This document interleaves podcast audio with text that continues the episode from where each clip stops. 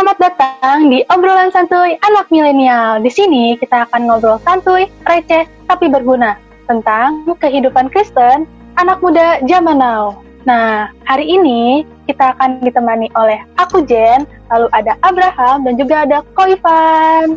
Yeay. Halo. Ya. Jadi guys, selamat datang di podcast episode kelima ini.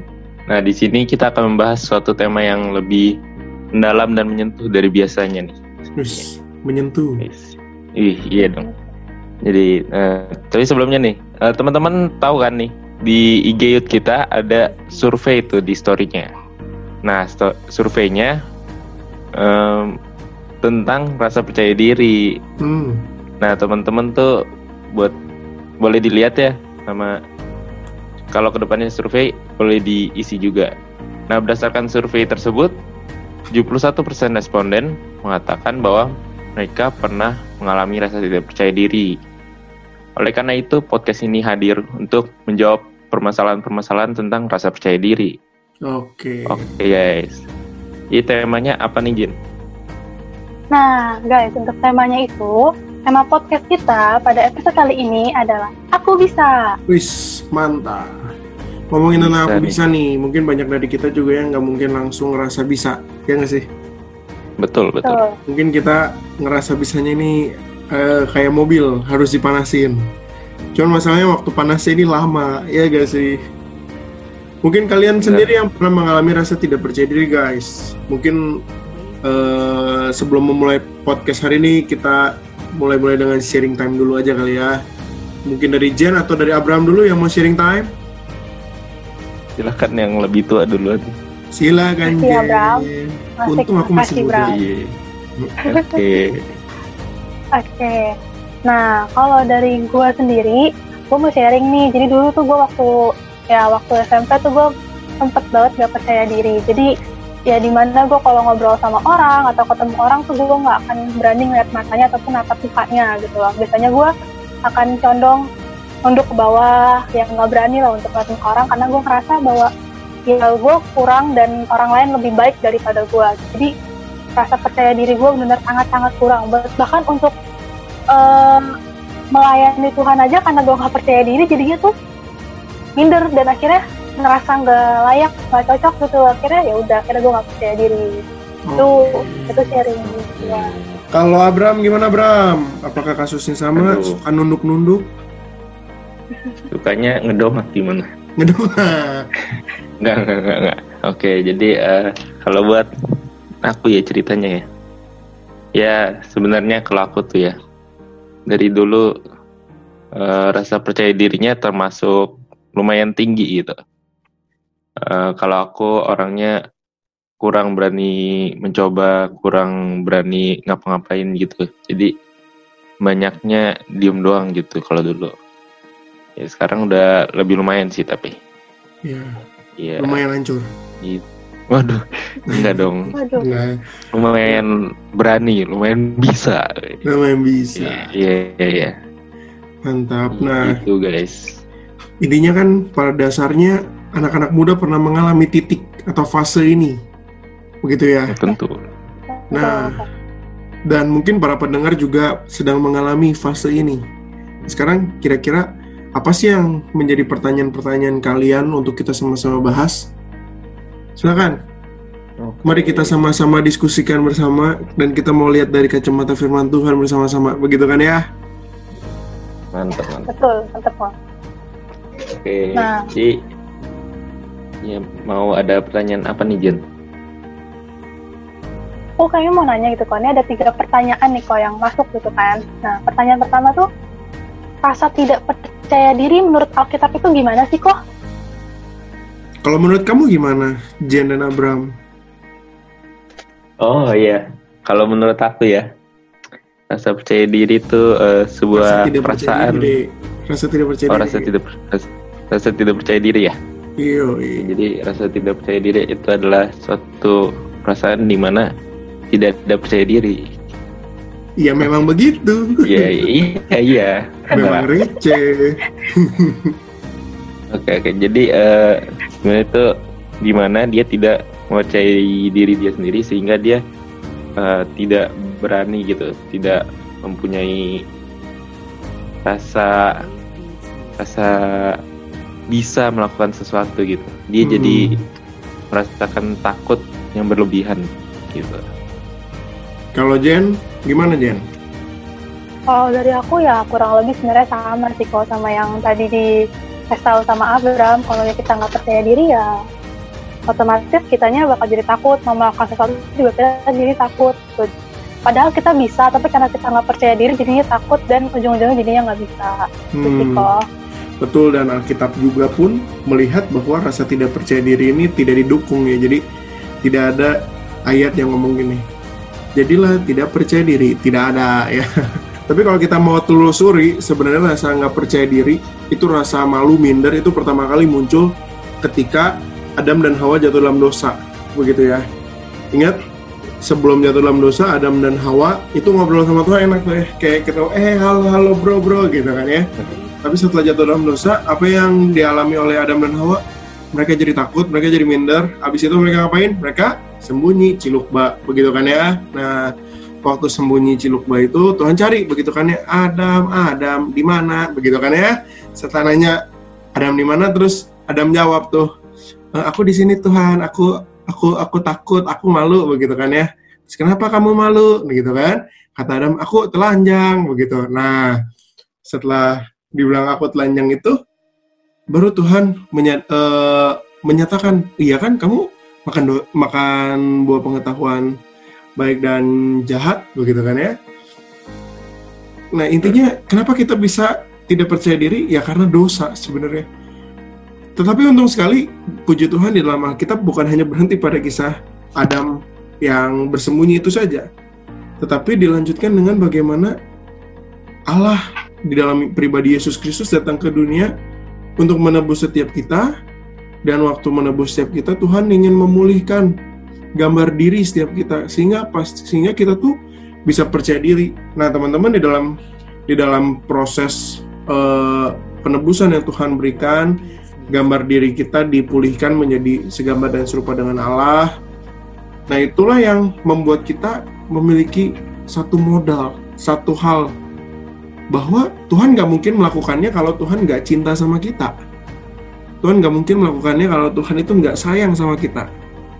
Cuman terkadang teman-teman mungkin pertanyaannya, eh, apakah kita udah sungguh-sungguh betul-betul merasakan Tuhan sayang sama kita atau belum? atau terkadang kan kita cuma mikir-mikir doang ya nggak sih iya betul hmm biasa kita cuma dengar-dengar doang kalau kita dicintai Tuhan gimana gitu betul kita benar kan? nggak nggak mikirin gimana gitu Iya, kan kalau kita ingat ya dari sekolah minggu diajarin Allah adalah kak kasih begitu kan ya. Nah Allah iya. mengasihi semua orang, setuju, setuju.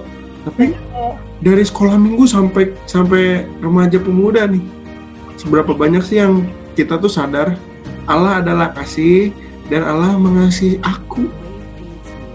Pernah nggak kita mikir itu? Jarang sih, nggak pernah ya.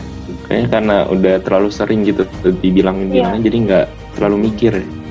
Terkadang karena terlalu sering kita jadi nggak nggak merasakan betul-betul merasakan kayak hmm makan makanan enak itu enak banget sampai diemut-emut lama begitu kan ya terkadang mungkin kita iya. jadi kayak gitu bener gak sih betul betul betul betul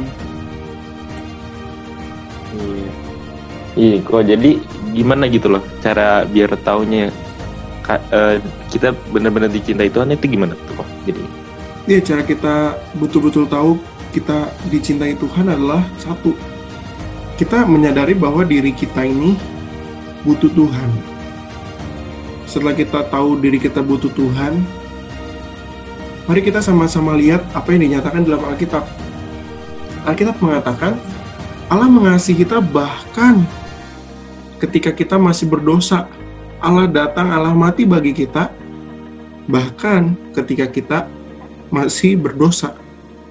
Nah, langkah selanjutnya adalah, lu percaya ini nggak? Atau atau mungkin selama ini lu tuh cuman membiarkan itu cuman ngendok di kepala lu, tapi lu nggak turunin pengetahuan itu ke hati lu. Ingat, segala sesuatu yang dipikirkan belum tentu menyentuh hati.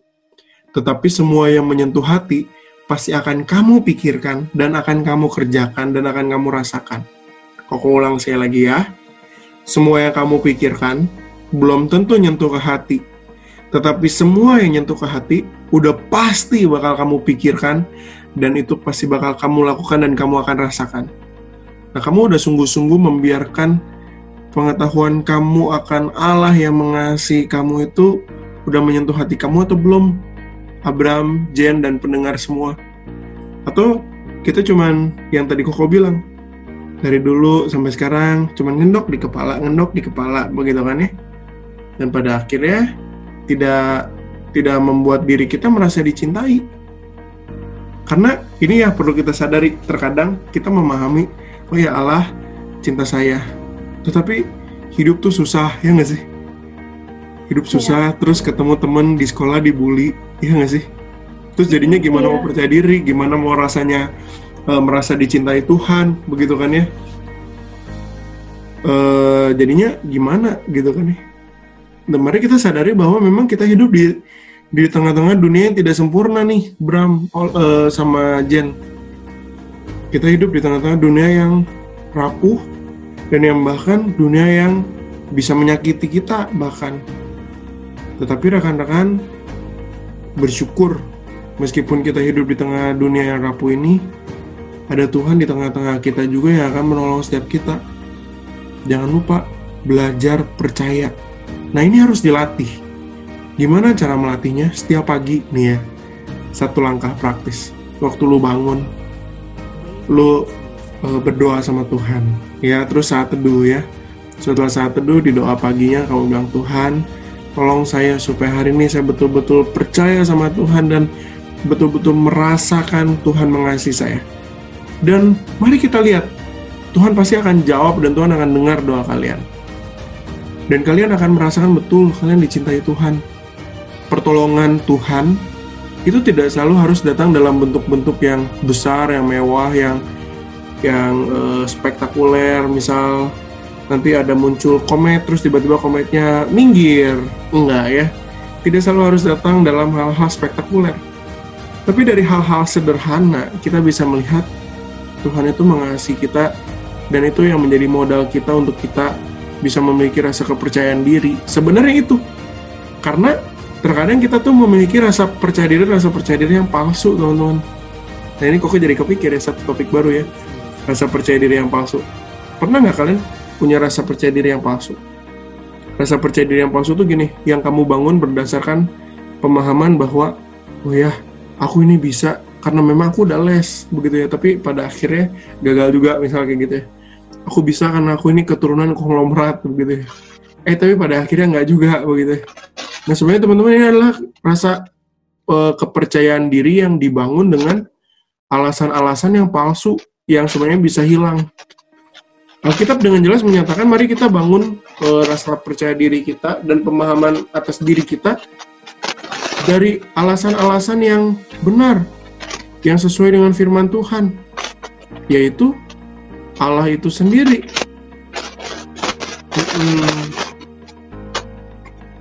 Begitu. Jadi kalau percaya diri yang berdasarkan rasa dicintai Tuhan sama percaya diri yang orang lain gitu yang karena alasan-alasan lain itu beda ya? Betul, beda Bram. Dan, Dan kalau rasa percaya diri yang orang lain punya itu, itu bisa dibilang salah gitu? Nah Bram, jadi sebenarnya bukannya salah, tetapi itu tidak bersifat kekal. Ingat, hmm. itu nggak salah. Dan itu memang digunakan oleh para motivator. Itu nggak salah, tapi itu tidak bernilai kekal. Nah, di dalam waktu ini, Koko mau mengajak setiap kita, mari kita bangun rasa percaya diri yang bernilai kekal, yang betul-betul bernilai kekal. Karena mem karena mungkin ya, satu hari nanti, kamu membangun rasa percaya diri kamu atas kemampuan kamu berbicara, misal. Satu hari nanti Kak, Tuhan izinkan kamu stroke dan gak bisa ngomong. Terus kamu jadi gak percaya diri, itu hal yang salah atau mungkin kamu uh, membangun rasa percaya diri kamu atas pencapaian-pencapaian yang kamu lakukan di sekolah atau di tempat kuliah. Tapi ketika kamu sudah selesai kuliah, kamu nggak bisa mencapai lagi sesuatu, kamu jadi nggak percaya diri. Begitu kan ya? Setuju nggak? Jadi rasa hilang gitu ya. Betul, ada yang Jadi hilang. bingung. Betul. Nanti akan akan mengulang lagi fase ini. Nggak percaya diri lagi, harus bangun lagi. Gitu kan? Nah, itulah sebabnya Koko mau ngajak setiap kita, ayo kita bangun rasa percaya diri dengan satu modal, satu landasan yang kekal, yaitu Tuhan. Sekalipun mau badai, mau bumi bergoncang, Tuhan tetap sayang kita, begitu. Dan itu nggak akan pernah berubah, begitu. Nah, sebenarnya itulah yang yang menjadi pertanyaan eh, setiap kita dan itulah jawabannya. Nah, kalau kira itu aja sih. Jadi bukan lebih ke arah salah, cuma eh, lebih baik percaya diri yang didasarkan oleh Tuhan, Betul. didasarkan ke Tuhan. Betul. Karena Tuhan itu apa namanya landasan yang kokoh. ya. Iya, kokoh dan kekal. Sekalipun dunia Hmm. berubah, Tuhan gak berubah. Kayak contoh ya, tahun ini, tahun ini kita menghadapi pandemi corona yang begitu panjang. Panjang bener, boy, gile. nah, banyak orang yang down, banyak orang yang hancur, banyak orang yang tiba-tiba kehilangan percaya dirinya karena kehilangan pekerjaan, karena kehilangan apa apa yang biasanya mereka kerjakan. Tetapi kenapa bisa ada orang-orang yang tetap teguh berjuang dan tetap kokoh? Kalau kita perhatikan mereka adalah orang-orang yang menaruh rasa percaya dirinya bukan atas diri mereka saja, tetapi atas Tuhan. Tuhan yang mengasihi mereka dan Tuhan yang ada atas mereka. Dan Koko sih rindu ya, setiap kita pendengar para youth GKI kanan ini bisa terus memiliki satu kerinduan untuk membangun rasa percaya dirinya tuh yang bernilai kekal, bukan atas sesuatu yang bisa hilang. Begitu. Oke. Nah, kok tadi kan udah dikasih tahu nih kok kalau kita tuh landasan yang kokoh itu yang kekal tuh cuma Tuhan. Nah, gimana sih kok buat teman-teman nih yang dengerin cara buat ngatasin rasa percaya diri itu gimana sih kok? Mm-mm. Yang pertama, langsung aja ya langkah praktisnya. Anak muda senang yang praktis dan cepat, begitu kan ya. Betul kok. Pertama, Betul. Mari kita ubah mindset kita. Bahwa rasa percaya diri yang betul bukan berdasarkan apa yang dunia buat, tetapi apa yang telah Tuhan lakukan. Setuju? Ayo kita lakuin. Itu yang pertama. Yang kedua, kalau misalkan kita menghadapi tantangan-tantangan, jangan langsung ciut. Jangan langsung, ah gue nggak percaya diri. Enggak. Terkadang Tuhan juga pakai tantangan-tantangan yang ada untuk kita menjadi lebih percaya diri.